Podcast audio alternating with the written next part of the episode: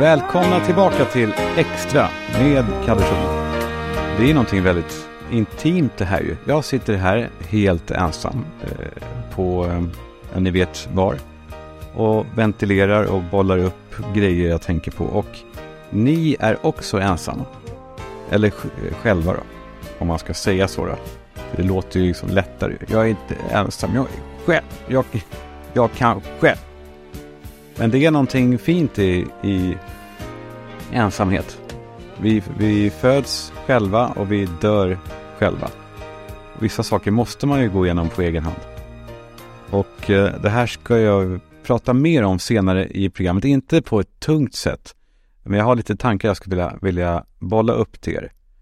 Men jag tänker på ramen.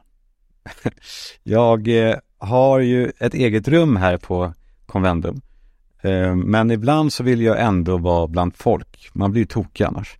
Och då brukar jag sätta mig i en soffa där ute i, i landskapet. Det här open, open office där folk utan rum sitter.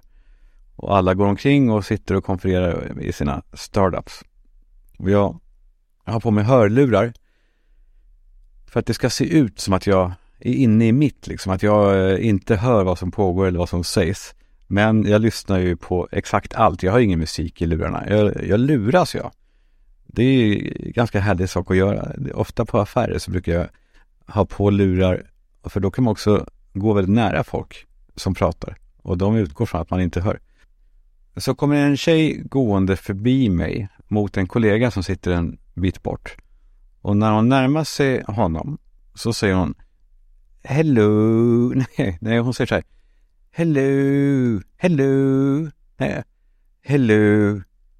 Jag, jag reagerade inte först liksom, men så slog det mig det här. Hello. Det är helt, det är helt rubbat. För att alla säger det och ingen ifrågasätter det längre. Det började väl som någon ironisk grej, att man sa så. Men så glömde folk liksom bort det och nu har det blivit som att det är, som att det är ett existerande ord. Alltså att man säger så. Hel, hello. Så säger de. Hello. Hello! det är ju, det är sjukt. Det är så sjukt att höra. Det, alltså det är samma sak som att man, egentligen, som att eh, man ska säga okej okay, och så säger man okej, okay. nej man säger, kanske sånt sen Wollter. okej, okay. plötsligt från ingenstans. Eh, eh, så då säger alla det. Istället för att säga okej så säger man eh, okej. det, är, det är lika jävla sjukt faktiskt. Bara så ni vet det. Ni kan väl tänka på det själva då. För det läskiga är ju om, om det är någon amerikan som är här, som, som hör sådana här samtal. Hello, hello. De måste ju undra vad fan som pågår. Ja, hon i alla fall, hon gick fram till eh, sin kollega och sa hello. Och så sa hon, du fan, ska vi ta en ramen på lunch? Och det var så mycket som skevade i allt det här. Först det här då, eh, hello, hello. Och sen också att man inleder med fan blir också som att det är no som att hon har som att hon har dividerat med sig själv och kommit fram till någonting. Och, eh, och sen då ramen. Snacka om eh, kejsarens nya kläder. Eh, den storyn kan ju alla, antar jag. Om man stöter på det uttrycket här, kejsarens nya kläder, så, så ofta att ibland så kommer jag på mig själv med att jag har glömt bort egentligen vad storyn är om man bara nickar och låtsas förstå. Det är ju ganska eh, dumt också. Alltså att man fungerar så. Vårt sätt att inte vilja visa vår okunskap som gör att vi istället säger hmm, ja, mm, ja, ja, ja, jag fattar. Men det har jag ändå haft med mig tycker jag från barndomen och det ska fan i mig min mamma ha. Att jag blir tillsagd att varje gång som det sägs någonting som jag inte riktigt förstår vad det betyder så ska jag fråga. Inte bara för min egen skull, att jag ska lära mig, utan också kanske för andra i rummets skull. Så att de å ena sidan skulle lära sig något som kanske inte heller visste och å andra sidan att i stort kanske så här avskamma okunskap. Men, men ibland så blir det också kul när man gör sådana här saker, att man frågar. Som när någon, alltså när någon använder ett svårt ord i en grupp, typ, eh, ja men typ eh, bias bias, det går ju som en jävla, som en jävla epidemi det här ordet bias. Alltså, egentligen så borde man ju kanske inte använda det med tanke på ja, det uppenbara. Eh, alltså, vi, vi, tar ett annat ord för att det ska bli liksom eh, lättare. Eh, diskurs, det är ett sånt ord också som många svänger sig med utan att riktigt ha koll på det kanske. Jag läser det då och då och jag har också försökt komma på då varje gång, vad är det betyder? Jag måste ta reda på det här en gång för alla. Men det är någonting som gör att jag kan ändå inte riktigt sätta fingret på vad det betyder. Så satt jag i ett stort möte där liksom alfahannen ordade som, ja, men som de gör, hannarna. Ni vet hur det är, alltså de tycker liksom om att sända, inte att, att ta in. Och så sa han det här ordet, diskurs. Och jag vet inte om det var för att jag tänkte att han kanske kunde förklara för mig på riktigt vad det betyder en gång för alla. Eller om det var den här lilla djävulen i mig. Den här ljuvliga lilla djävulen som misstänkte att han kanske inte hade koll på vad det, vad det betyder. Så jag sa, förlåt, men vad betyder diskurs? Och jag minns hur alla liksom runt mig skruvade på sig och tyckte att jag var pinsam som liksom röjde min okunskap. Och jag hörde det där mummet, herregud, Kalle. av, någon, av någon tjej. Eh, och eh, ja, det tände till mig. Alltså jag, det gav ju mig jävla bränsle. Så vände jag mig dit och jag hörde det här sucken. Här, Kalle, pinsamt, herregud, Kalle. så jag vände mig dit och sa, du, jag vet bara inte vad det betyder. Alltså det är kanske pinsamt, men du kan väl berätta då? Sa jag till henne. Och hon, liksom, inte bara att hon inte svarade, utan hon tittade ner och liksom skakade på huvudet ännu mer, som att jag var ännu mer pinsam. Fast jag såg ju då att hon visste inte heller vad det betyder. Och så hörde jag den här orerande mannen som sa diskurs. Han började också haspla ur sig någon helt obegriplig förklaring som, som också var fel med det lilla jag då har tagit reda på. Och jag förstod att han inte visste. Men jag sa till honom att okej, okay, tack, nu förstår jag. Eh, vilket gjorde honom då lättad. Han kunde vara en alfahanne en stund till. Det är också någonting med folk som använder ordet tonalitet. Då, då vet man att man sitter med en riktig fåntratt. Det är väl oftast killar som använder det också. Fan, jag talar mycket illa om killar här. Eh, men det är för att men vi behöver väl rannsaka oss. Ja.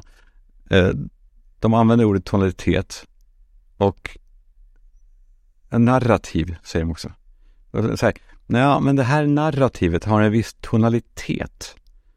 Och så sitter jag och, och jag vill liksom klösa mig i ansiktet och, och, och, och, vill säga att narrativ är ett jätteflott ord, men det kan underlätta att istället kanske använda berättande istället. Och tonalitet, vad, vad är det för fel på att bara säga ton?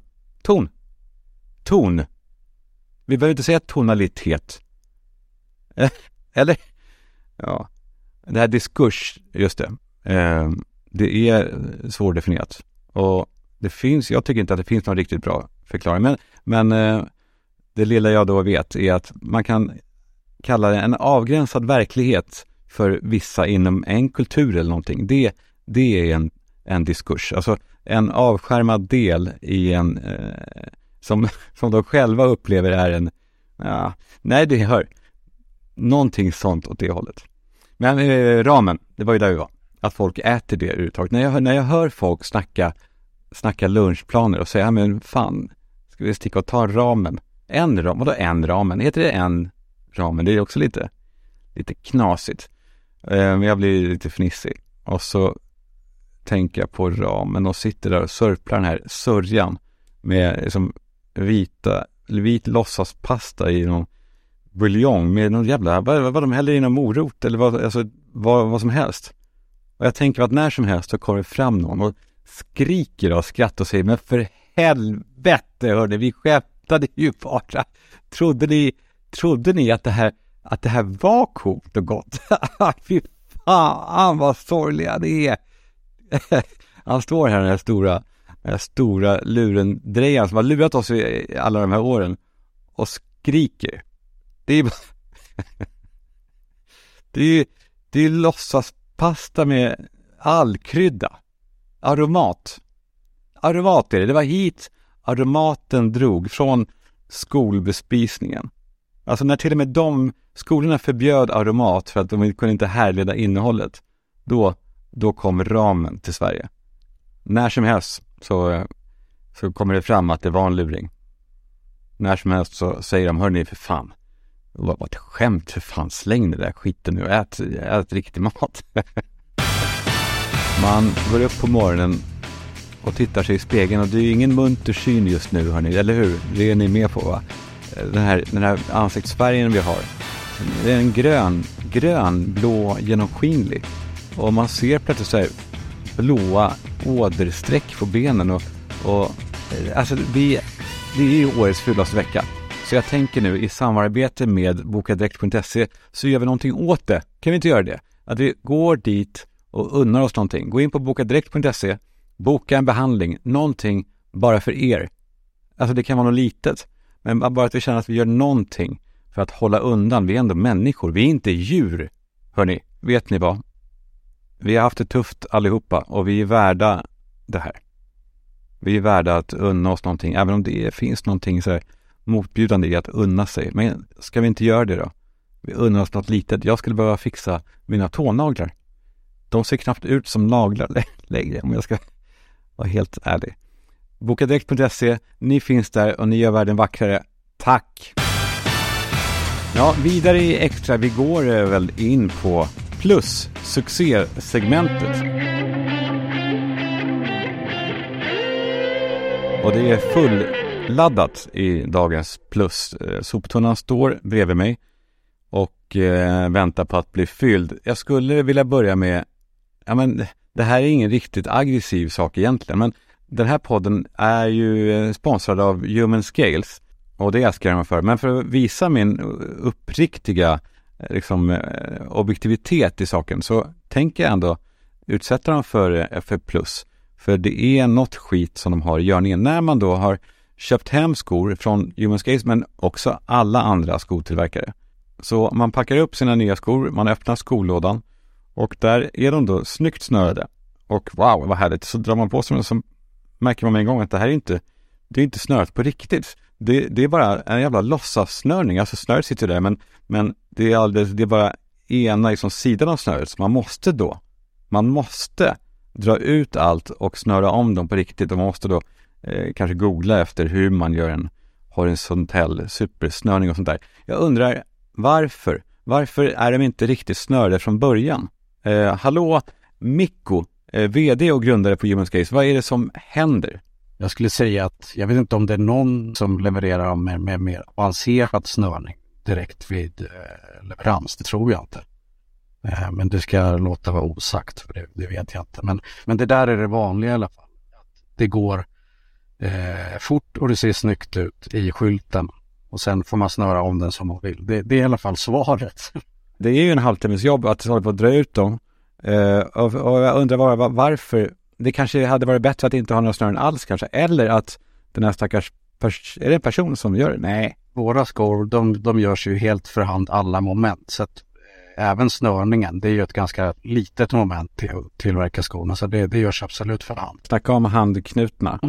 ja, precis så kan man säga.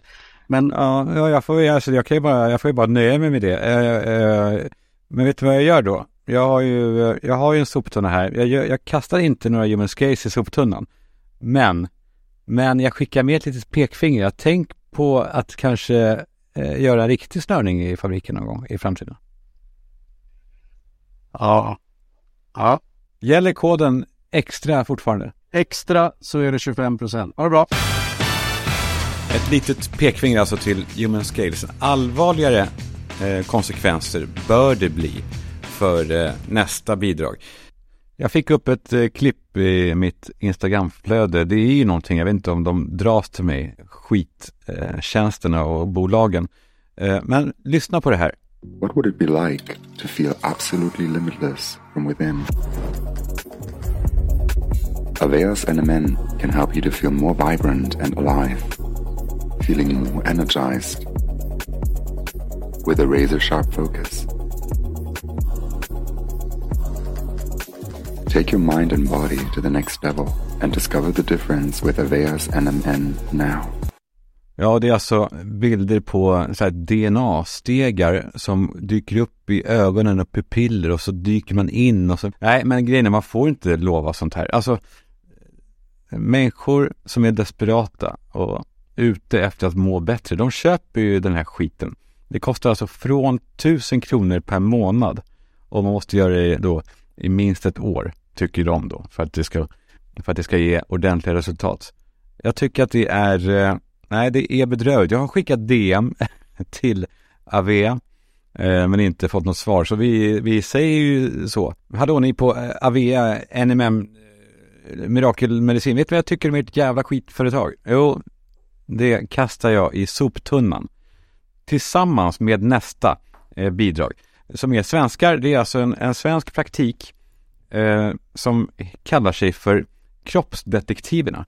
Det är ungefär samma sak. Här är ett klipp som de eh, håller på att annonsera med på Instagram. Ehm, eh, om ni tänker in då att det står då två snubbar med armarna i kors, eh, svartvit bild på Odenplan och trafiken går bakom så här, det är som att livet bara pågår och de står där orubbliga eh, som en trygg hamn för en stressade storstads bla bla bla bla. Ja, lyssna, lyssna på Eh, deras eh, eh, film. Vi blir kallade mirakelmän. Vi blir kallade magiker eller Harry Potter. De flesta som kommer till oss på kroppsdetektiverna har gått runt i vårdapparaten utan att få rätt hjälp. Man har gjort MR utan att hitta vad som gör ont i kroppen. Den stora skillnaden är att vi tittar på dina besvär med andra ögon. Vetenskapen vet sedan flera år att all smärta sitter i hjärnan 100% av tiden, oavsett plats på kroppen och att det onda, den onda muskeln eller huvudvärk, är output i form av skydd. Vi letar efter en felaktig inputen till hjärnan som orsakar en smärta och behandlar det för en ökad hållbarhet. Vi är kroppsdetektiverna. Ja, ni hör, de kallar oss Harry Potter. Jag är osäker på om det är kanske det som gör att folk går dit. Men det är, finns någonting jävligt osympatiskt med att rikta sig till desperata människor som, som de säger, har gått igenom hela vårdapparaten, är desperata efter en lösning, är beredda att betala vad som helst, för de här är ju inte anslutna till eh, landstinget. Så. Man, det här är ju privatvård så det skriker om det. Och de betalar sina liksom, verkligen surt förvärvade eller lånade pengar för att kanske komma till, komma till bättring. Och äh, jag tycker att det, äh, det finns nog en särskild plats i helvetet för sådana som dem som riktar sig till, till människor som, som är ute efter ett mirakel. För det är det som de signalerar. Det är inte bara att de kallar sig själva magiker eller att de påstår att folk kallar dem för magiker, utan att de själva påstår på sin hemsida Bli smärtfri redan idag, är ett citat då. Och lösningen på dina besvär. Det är det ju inte, det får ni väl inte säga. Jag är pragmatisk i vad gäller marknadsföring. Jag älskar när man stretchar och jag har skurit runt en hel del hörn i mina dagar. Men det är två saker som gör att kroppsdetektiverna kommer hamna nere i soptunnan. Det är att man vänder sig till en utsatt och desperat målgrupp och att man ljuger för dem. Det är, det är skit och skit ska, som ni vet, skit ha. Eh, plus lite allvarligare idag alltså, men nu vidare till, eh, ja, vi kör väl på Fyllekalle. Eh, håll till godo med historien om hur Bingolotto blev Bingolotto och den här lönedealen som, som det pratas om än idag. Det här var vad som hände, ja, som Kalle Schumann minns det i alla fall. Året är 1989 och eh, hela Sverige väntar på ett nytt sällskapsspel i tv. Man vet inte vad som är nästa grej, men någonting är i görningen. Och i Göteborgs hamnar finns det en person som heter Gert Eklund som är VD för Folkspel. Som har möte med en person som heter Leif Loget Olsson. 1989. Och, och Gert, Gert säger till Leif Loket Olsson. Hallå Loket. Du är grym.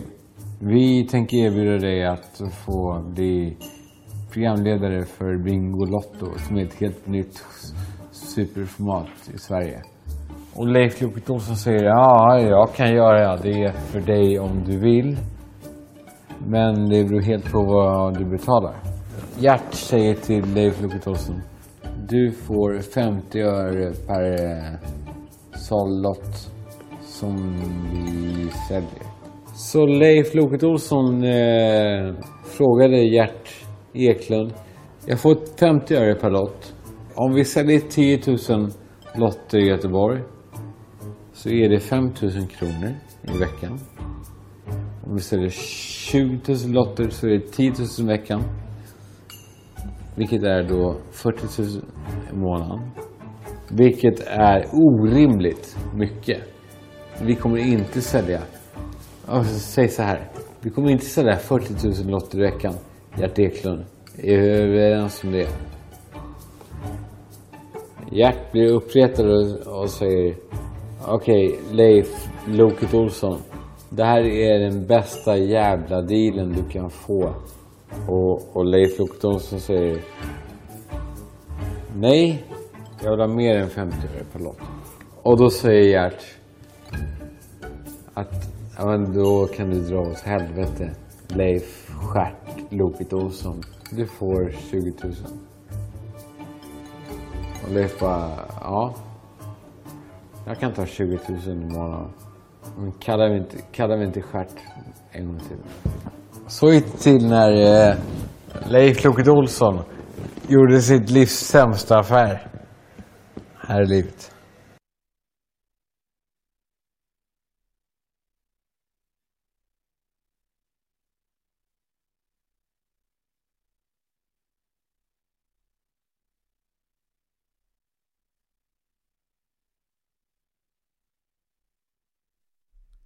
Apropå Bingolotto och gammel-tv så sa vi nyligen upp alla streamingtjänster vi har. Det blev ju larvigt och det är ju det för många av er va.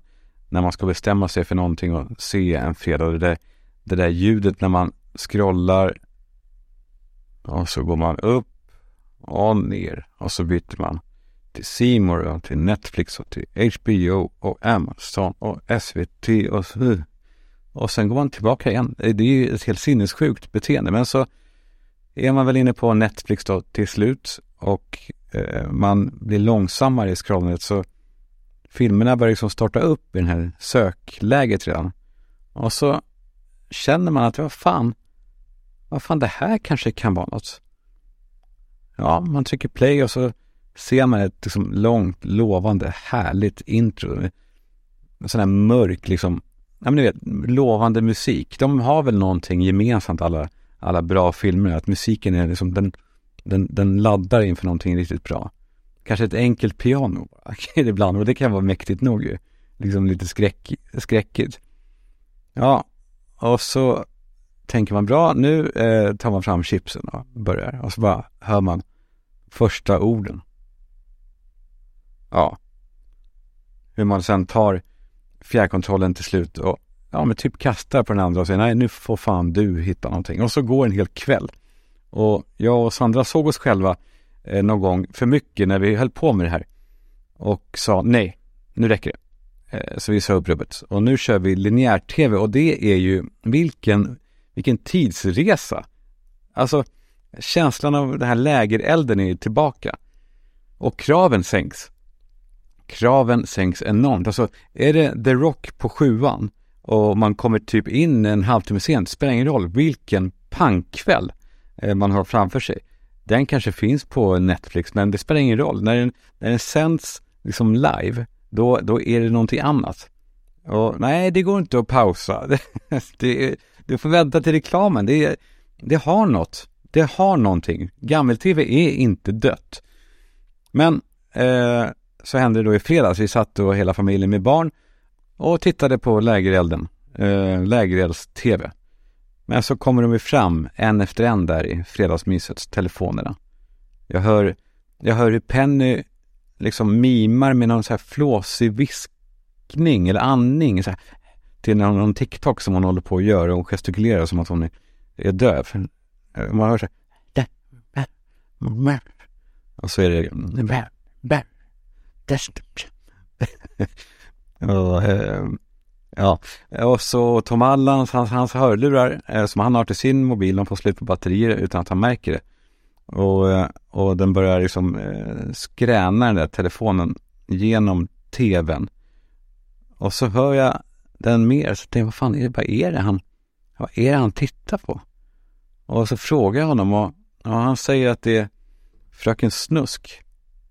Och jag säger okej, okay, får, jag, får jag din telefon? Med sån här röst, ni vet, den här. Okej, okay, då, då, får jag din telefon. Som att nu är det inget att diskutera. Och så går jag in i inställningar och blockar allt som kan innehålla så här olämpliga, olämpligt innehåll. Och, och han frågar vad, vad, vad gör du pappa? Och jag säger att, att det som han just kollade på är järnbajs. Och eh, ganska välfunnet ord tyckte jag. Och jag frågade honom, alltså tycker du att det här är bra? Är det här någonting du eh, vill titta på? Och han sa nej, det bara dyker upp i sådana här eh, YouTube shorts och vad det heter. Och, eh, och han sa att det är ingenting för honom ändå. Men, men jag kunde inte låta bli att sluta tänka på. Jag kunde inte låta bli att fortsätta tänka på den här Fröken Snusk. För ju mer jag läser om det och tar del av det, desto mer av mig beundrar egentligen liksom hela upplägget på något sätt. Det är så, det är så genomsyniskt briljant att ta fram en kvinnlig karaktär, kur, kurvig, eh, maskera henne med en så här balaklava heter det va? Och med hjälp av den då så flörtar man ju med både liksom eh, gangster, gangsterrapvärlden och terroristvärlden lite grann. Men inte så. Eller jag kanske, ja, nu snackar om boomer. Jag är, jag är ju det. På med ett par liksom porrögonfransar eh, som syns genom hålen på den här balaklavan och claima också en, en dalahäst som typ logga.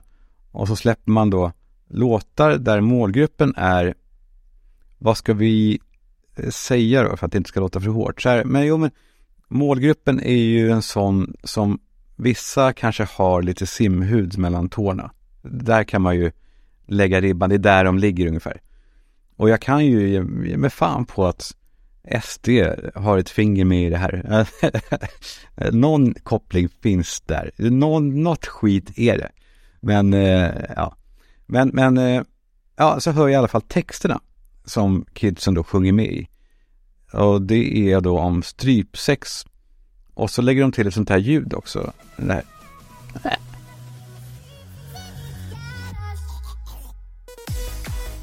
Och eh, jag vet att det inte är Ja, jag vet att det inte är instruktionstexter liksom.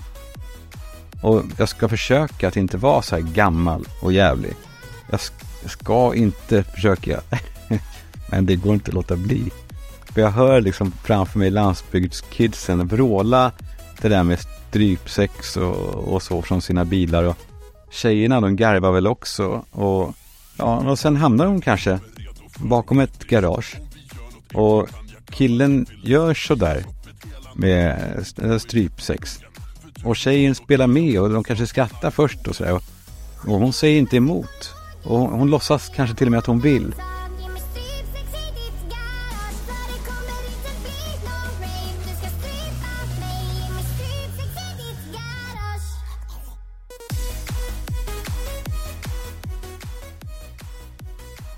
Samtidigt, våra föräldrar lät ju likadant med oss. Kanske inte, mina var inte så farliga, men eh, samhället i stort, förfasandet över vad de yngre håller på med är ju konstant.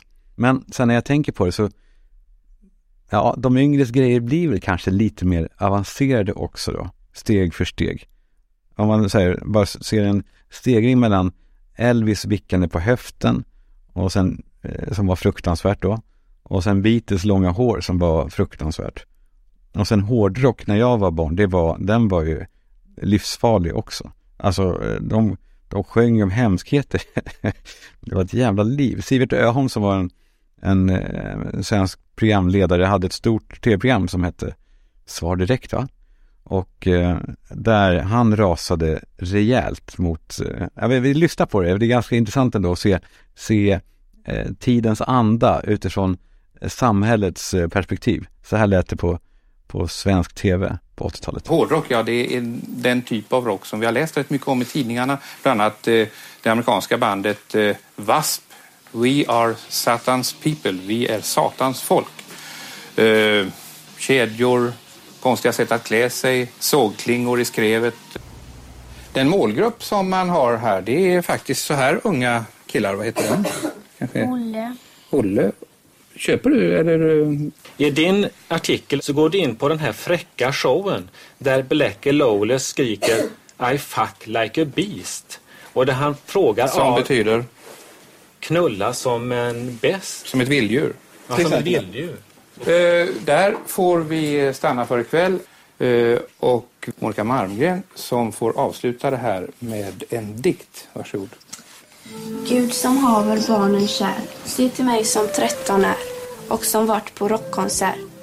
Fula gubbar på en scen, rått kött käkar de och ben. Vrålar som besatt om sex, om hur djurets lustar väcks. Men jag fattar inget alls när svärdet klyver flickans hals. Det står ej i Lukasbrevet att de har såklingor i skrevet. Vart jag mig i världen vänder, blodet syns från deras händer. Så Gud, igenom tusen watt, hjälp mig nu när det blir natt. Ja, tonen då mot hårdrock är väl egentligen samma ton som jag har nu mot Fröken Snusk. Det är väl bara, det kanske är något poetiskt, men fan, det är väl lite väl det här. Eller? Eh, skitsamma. Eh, vi sitter där och eh, eh tittar på tv och utan att jag märker det så reser jag tillbaka i tiden. Jag är inte pappan utan barn. Och det dyker upp någon som är efterbliven i, i tv-rutan och, jag, jag bara utbrister. Det där är du, det är du Penny. Och så gör jag en sån där gest, du vet man slår sig över bröstet med kanten på handen och sätter tungan under, under läppen. Och, det där är du, så bara Och hon tittar på mig som att jag är en främling. Och jag kommer på mig själv såklart. Men hon hinner säga det, pappa, så där säger man inte. Och jag säger att jag vet. Och jag försöker då berätta att så gjorde vi alltid när vi var små. Eh, så fort det var någon som liksom stack ut på fel sätt så sa vi bröder till varandra, det där, det där är du, det där är du. Så fort det var någonting som var liksom ful och fel. Men den här förklaringen fäster inte på henne. Hon bara, hon bara tittar på mig och jag försöker liksom utveckla. Alltså, det är inte så att jag tycker att det där är roligt, sa jag. Att det roliga ligger i att det är så otroligt icke-roligt. Men, men Penny köper inte förklaringen och jag fattar ju att det var fel av mig, såklart. Men eh, jag vänder mig mot, eh, mot Sandra och gör en sån där, eh, ni vet en sån där gest, så här. Vad fan hände där då? Gud vad hon var känslig då? Fast, fast Sandra bara skakar på huvudet åt mig och, och droppar av också hon. Ja, så, så kvar är jag. Tom Allan, han har somnat vid sin, vid sin telefon. Och jag sitter kvar framför den här blått lysande lägerelden som flammar mot mig. Och jag känner mig såklart dum. Jag ska gå in till Penny senare och, och förklara. Men jag sitter kvar där och funderar. Och ja, man blir väl lite djup sådär en fredagkväll. Man, man tänker på eh, värdena i livet på något sätt. Jag tänker på hur lite kontakt man har med andra nu för tiden i stort alltså. De här maskorna i nätet som vi hänger i har blivit liksom större. Det är, det är större risk att ramla igenom nu än vad det var förut. Bara Foodora-buden när man beställer hem mat. De bara ställer kassen utanför dörren, knackar och drar. Och så när man kommer dit och öppnar, då hör man stegen ner i trappan. Han vill inte ses, han vill inte träffa mig. Och jag blir liksom sårad, faktiskt. Varje gång. Och i affären, ja där blippar man nu sina egna varor och visar kvittot för ett rött laserljus och grindarna öppnas och kassörskan är borta. Så det blir inget hej och det blir inget var det bra så för allt som de hade bakom kassan det har de nu i, i maskiner med skärmar på och biljetter som man ska gå till en annan maskin. Man saknar den frågan ändå lite grann. Var det bra så? För det är då man kan säga att nej, det kanske inte är bra. Men jag tänker på den här frånvaron av mänskliga kontakter som blir mer och mer liksom påtaglig. Jag ser ett klipp med den gamle skådespelaren Ian McKellen. Och han berättar i en intervju om, om ett mänskligt bemötande. Eh, Vi kan lyssna på det så hörs vi efter det. If you ever arrive in Manchester, if you're lucky enough to be able to afford the, the train fare, you come down the steps at Piccadilly. And if you're lucky enough to be able to afford a taxi, you, you get in the back of one. And the taxi driver, usually a man but not always, says, Where are you going to, love? and I feel I'm home. Where grown men call strangers love. I think if we all did that, it'd be a rather better place, wouldn't it?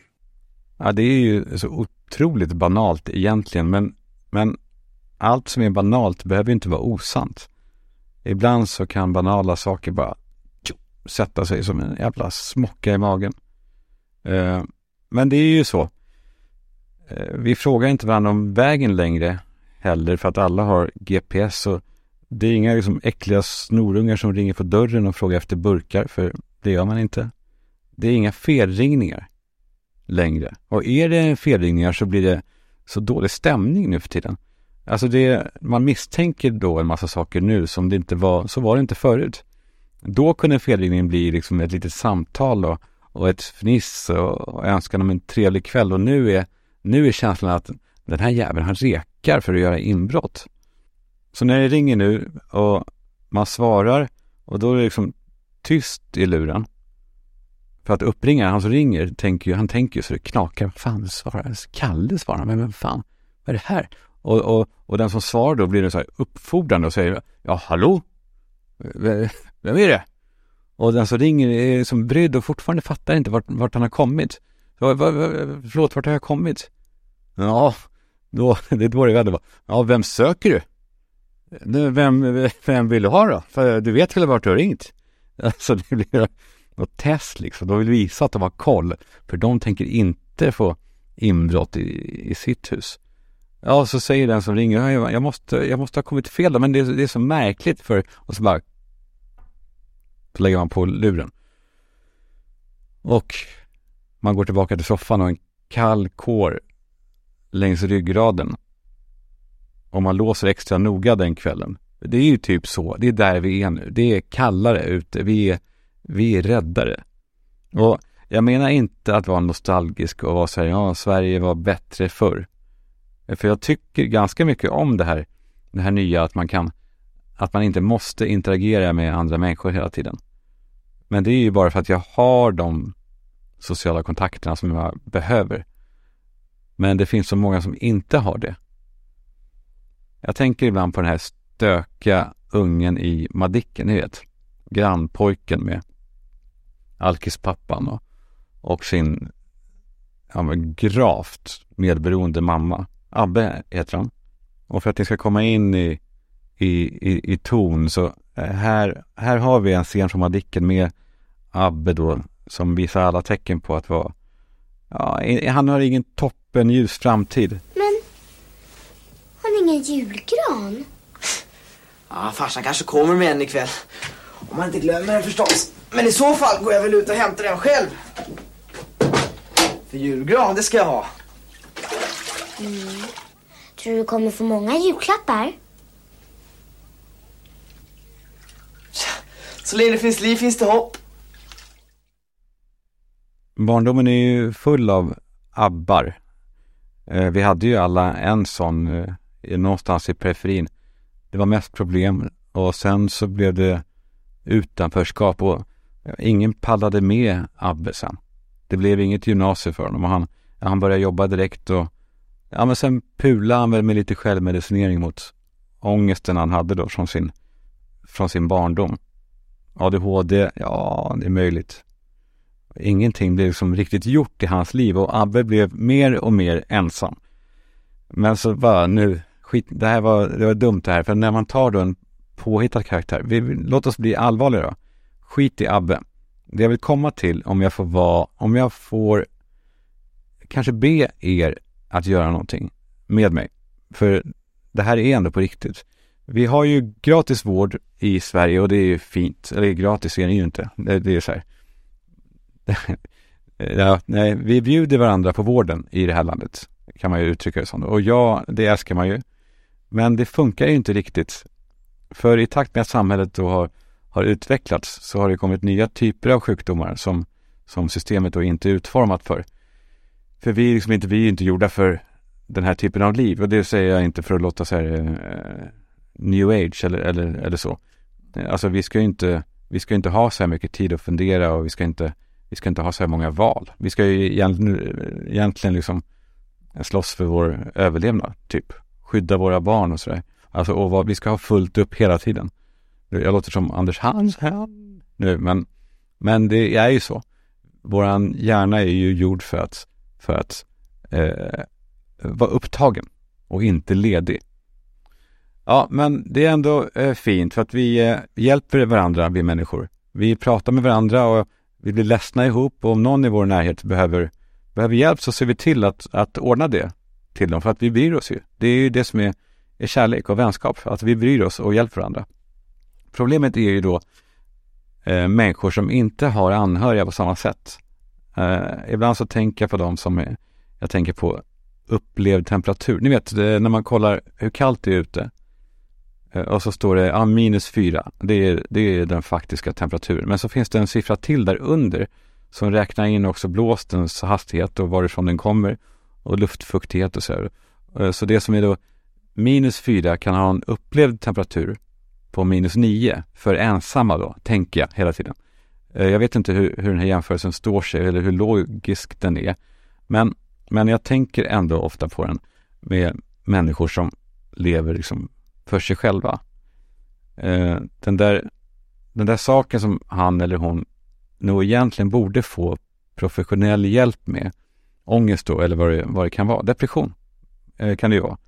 Kanske inte att det, det kanske inte är så jättekul att leva. Alltså det behöver inte innebära att jag vill dö, men de kanske inte heller vill leva. Ja, och de här människorna kommer sig kanske inte för att åtgärda sina problem. Inte för att de är lata, utan för att eh, vårdapparaten är ju liksom utformad för fungerande människor. Åtminstone människor som har en fungerande eh, omvärld, alltså en eh, anhörigvärld. Den är gjord för människor som tar för sig och som har energi att liksom, ta ut sin rätt. Medan då deprimerade människor eller psykiskt nedsatta, jag vet inte vilka ord man ens får använda. Eh, eh de har inte en chans att ta sig igenom den här geggan på egen hand. Alltså, de kanske då googlar sig fram, eh, sina egna symptom och de ser kanske till slut på eh, 1177 att nej, du måste oavsett till en vårdcentral. Och, eh, och så kanske de går dit till slut i sin ensamhet. Och så får de frågan eh, varför de är där. Och då vet de kanske inte riktigt. Och de vill inte gnälla och de vill inte ta andras liksom, viktiga tid i onödan. Och de förminskar kanske sina problem. Och då blir man inte, liksom, då blir man inte välkomnad med att så vilken hjälte du är som tog dig hit. Vi ska laga dig nu. Kom med här. Du kan slappna av. Vi kommer inte släppa dig. Vi kommer inte släppa dig. Det säger de inte. De säger inte det till, till någon. Utan det bygger på att vi måste pressa oss in för att kräva hjälp. Så de behöver oss. Vi behöver gå dit med dem och inte, inte ge oss när han eller hon får en halvdiagnos utan vi ska gå därifrån med en riktig plan som sätts i verket. Alltså för en, för en person som är frisk och stark, eller stark då, eh, är det ju lätt att, att eh, kräva sin rätt. Och de ser också att den här personen eh, kommer inte nöja sig med mindre. Men för en, för en sjuk så är det oöverstigligt. Så låt oss se oss omkring och kanske till och med att vi söker upp människor som behöver en, en soldat med sig. Och som sagt, det behöver inte bli kletigt. Det handlar inte om att man behöver bli så här och hålla på eh, att man ska äta luncher med någon och hålla på att vara någon jävla eh, liksom, volontär och, och låtsaskompis. Det är inte det. Utan bara, tror jag, att man får dem över den här jävla tröskeln så kommer de klara sig sen och kommer kunna odla eh, tillbaka kanske sin liksom, sociala samvaro. Eh, Så det kan vi väl göra hörni. Och någon av er som lyssnar kanske är en av dem som behöver en, ja, en, en soldat. En, eh, en eh, allierad som tar fighten när ni inte orkar. Om ni är det så sträck ut en hand eh, så kan någon av oss hjälpa till. Där kan vi väl runda av veckans avsnitt av Extra. I någon sorts, eh, är det pretentiöst eller? Nej. Ibland får man väl vara det då, om inte annat. Um, ibland vill man prata lite allvar ändå. Nej, vi gör så. Vi rundar av och um, ja, vi hörs igen om en vecka ju. Tiden går så snabbt. Uh, om det är någonting ni undrar eller vill ha in eller eh, vill ha bort så skicka DM och gör vad ni vill. Så kommer vi överens. Ha det bra där ute. Hej.